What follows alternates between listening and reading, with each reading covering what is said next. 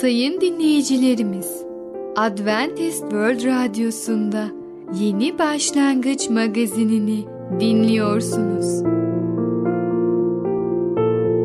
Yeni Başlangıç magazinine hoş geldiniz. Önümüzdeki 30 dakika içerisinde sizlerle birlikte olacağız. Bugünkü programımızda yer vereceğimiz konular zaman azalıyor, karaciğer temizliği, çocuklarımızın sorumlu olmalarına yardımcı olmak.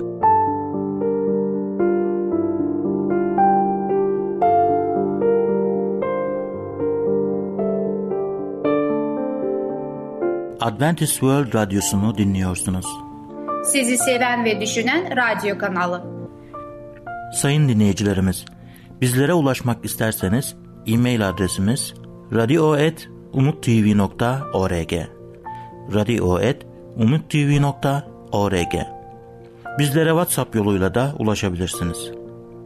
WhatsApp numaramız 00961 357 997 867 06 00961 357 997 867 06 Merhaba değerli dinleyicimiz. Ben Tamer. Başarılı Yaşam programına hoş geldiniz. Bugün sizlere zaman azalıyor hakkında konuşacağız. İlk önce 1. Petrus 4. bölüm 7. ayeti okumak istiyorum. Her şeyin sonu yakındır.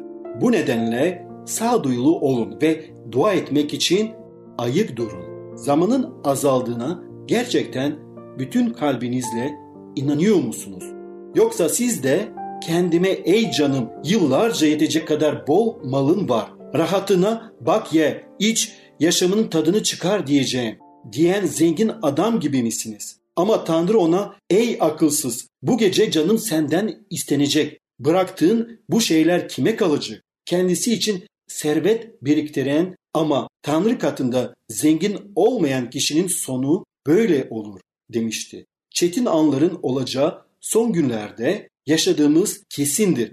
Günümüzde de durum Nuh'un ve Lut'un günlerindeki gibidir. İnsanlar yiyip içiyor, evlenip evlendiriliyor, ekip biçiyor, bina ediliyor, parayı, zevk ve sefayı seviyor ve birbirini aldatıyor. Nuh'un zamanında olduğu gibi bir gün kapı kapanacaktır. Lut'un zamanında olduğu gibi bir gün gökten ateş inip bu ihtiyar dünyayı yakıp yok edecektir. Bir gün artık yarın olmayacaktır. Siz ismi İsa Mesih olan güvenli gemide misiniz? Biz de birçok kereler zamanımızı Tanrı'nın büyük amaçları için kullanmak üzere boşa geçirmişizdir. Kurtuluş günü işte şimdidir diyor Allah'ın kelamı 2. Korintiler 6.2'de. Bugün İsa için canlar kazanalım. Yarın çok geç olabilir. Artık uyanalım. İsa çok yakında geri dönecektir. Buna hazır mısın? Biliyor musunuz? Birçok insan İsa Mesih diye bu kişiliği biliyor ama gerçek anlamda gerçek kişiliğini biliyorlar mı?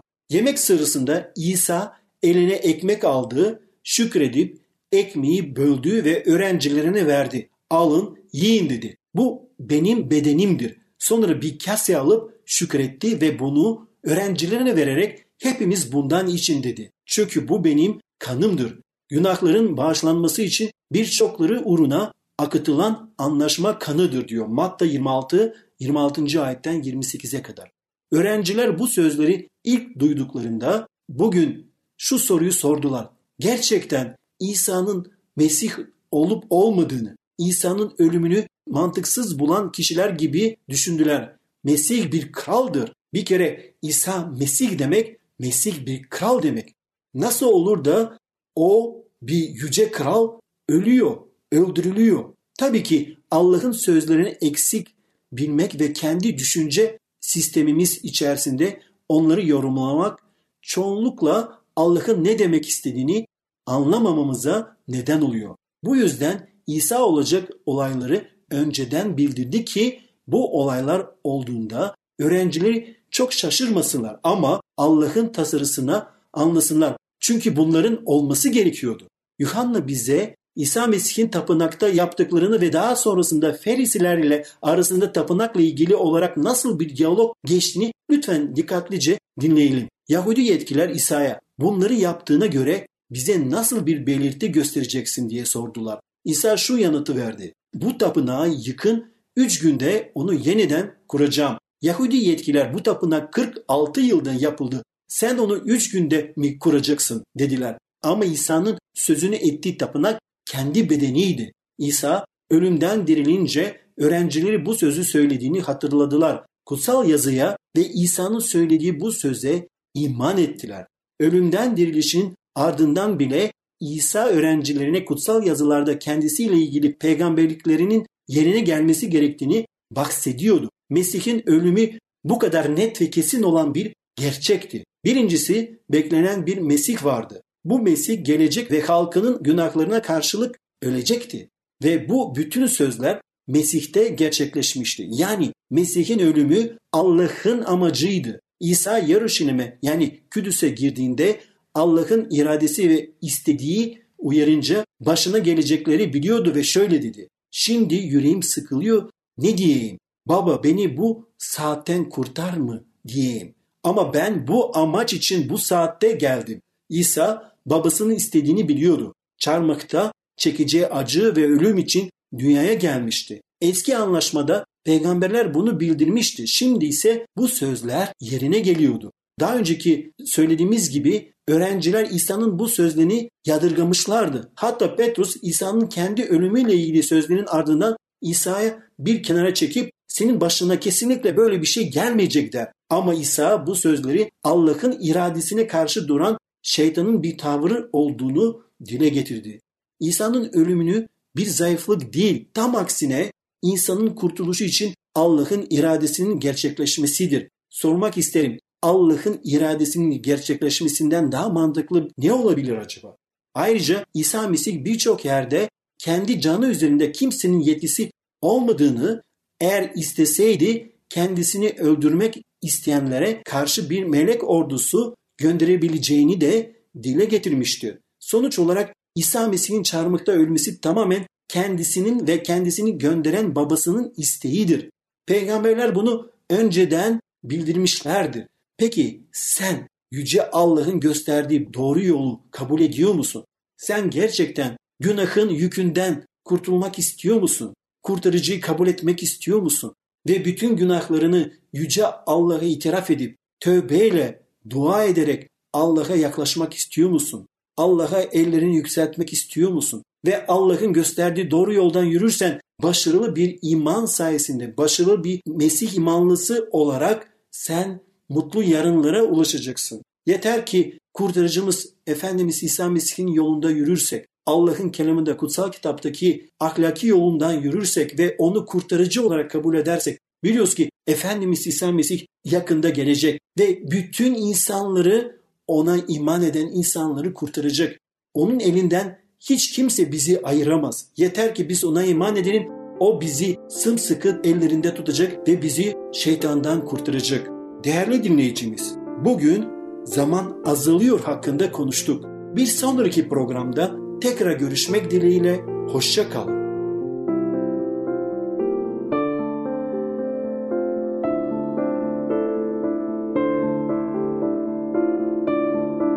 Adventist World Radyosu'nu dinliyorsunuz. Sizi seven ve düşünen radyo kanalı. Sayın dinleyicilerimiz, bizlere ulaşmak isterseniz e-mail adresimiz radio.umutv.org radio.umutv.org Bizlere WhatsApp yoluyla da ulaşabilirsiniz. WhatsApp numaramız 00961 357 997 867 06 00961 357 997 867 06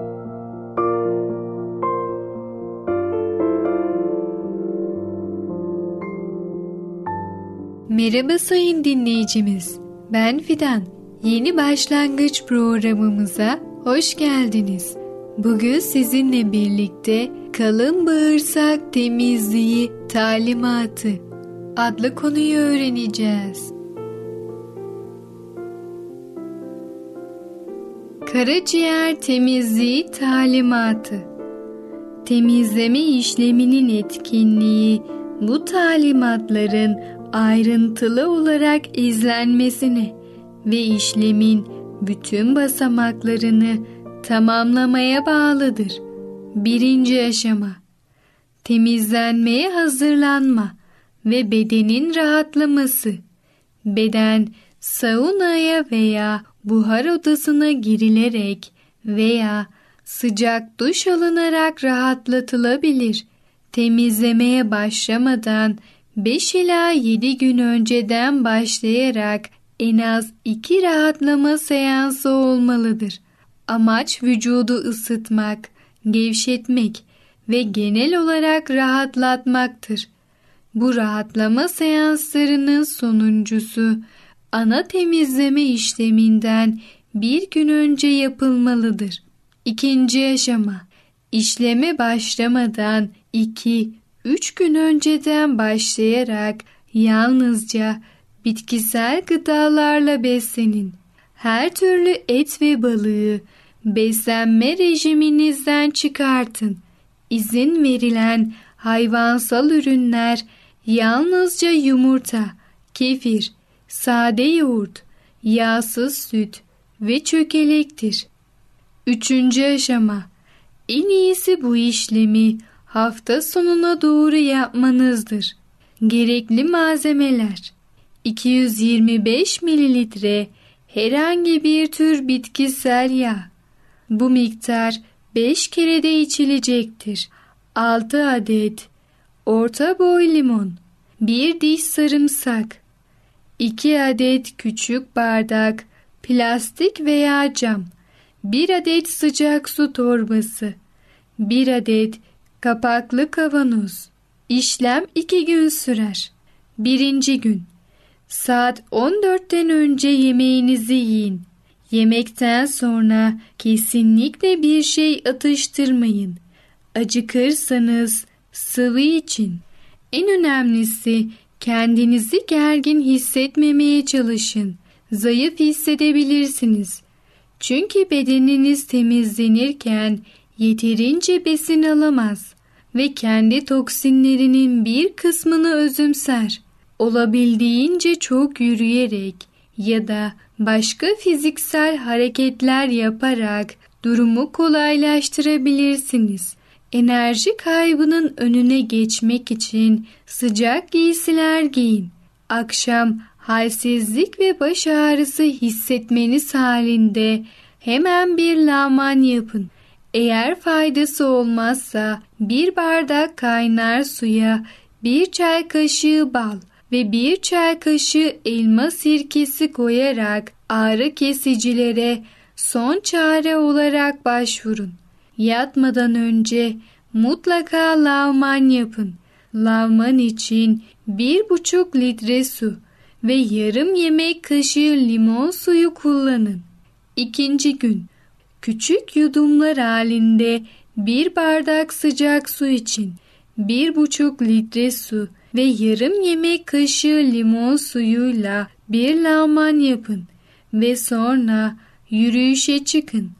Saat 14'ten önce havuç veya elma suyu içebilirsiniz. Saat 14'ten sonra telefonlarınızı kapatın. Herhangi bir iş veya ev işi yapmayın. Nahoş konuşmalardan ve gerilimli ortamlardan kaçının. Her türlü etkileşimi kesmeye çalışın. Saat 15 ila 18 arasında birkaç kez 20-30 dakika süreyle uzanın. Rahatlamaya çalışın. Hayatınızın en güzel, en hoş anlarını hayalinizde canlandırın.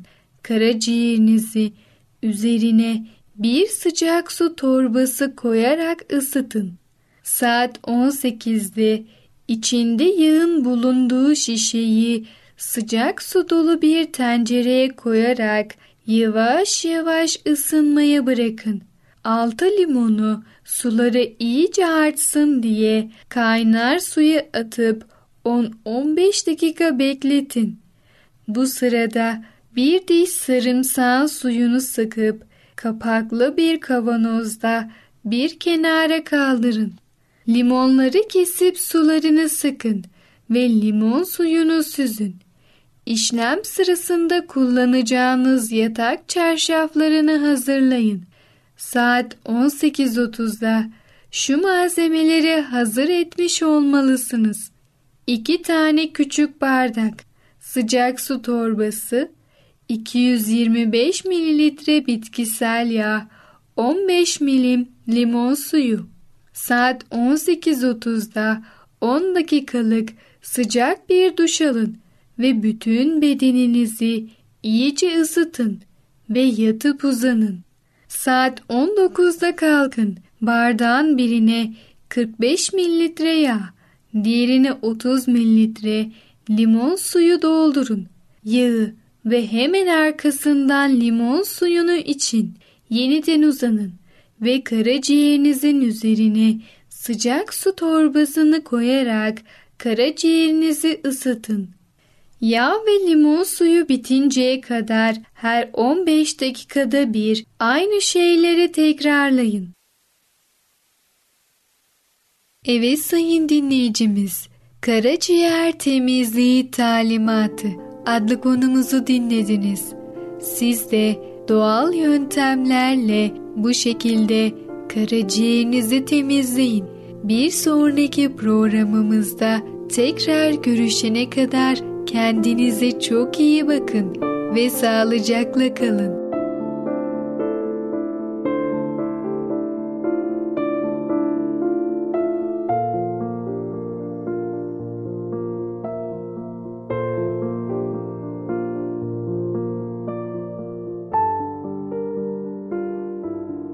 Adventist World Radyosu'nu dinliyorsunuz. Sizi seven ve düşünen radyo kanalı. Sayın dinleyicilerimiz, bizlere ulaşmak isterseniz e-mail adresimiz radio.umutv.org radio.umutv.org Bizlere WhatsApp yoluyla da ulaşabilirsiniz. WhatsApp numaramız 00961 357 997 867 06 00961 357 997 867 06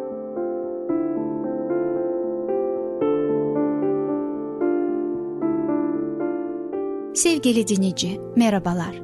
Ey Babalar programıyla sizinle birlikte olmaktan mutluluk duyarım. Ben Ketrin. Bugün sizlere konuşmak istediğim konunun ismi çocuklarımızın sorumlu olmalarına yardımcı olmak. Konuya geçmeden önce sizlere çocukların oyunları yönetmek konuyla ilgili bir şeyler daha eklemek istiyorum.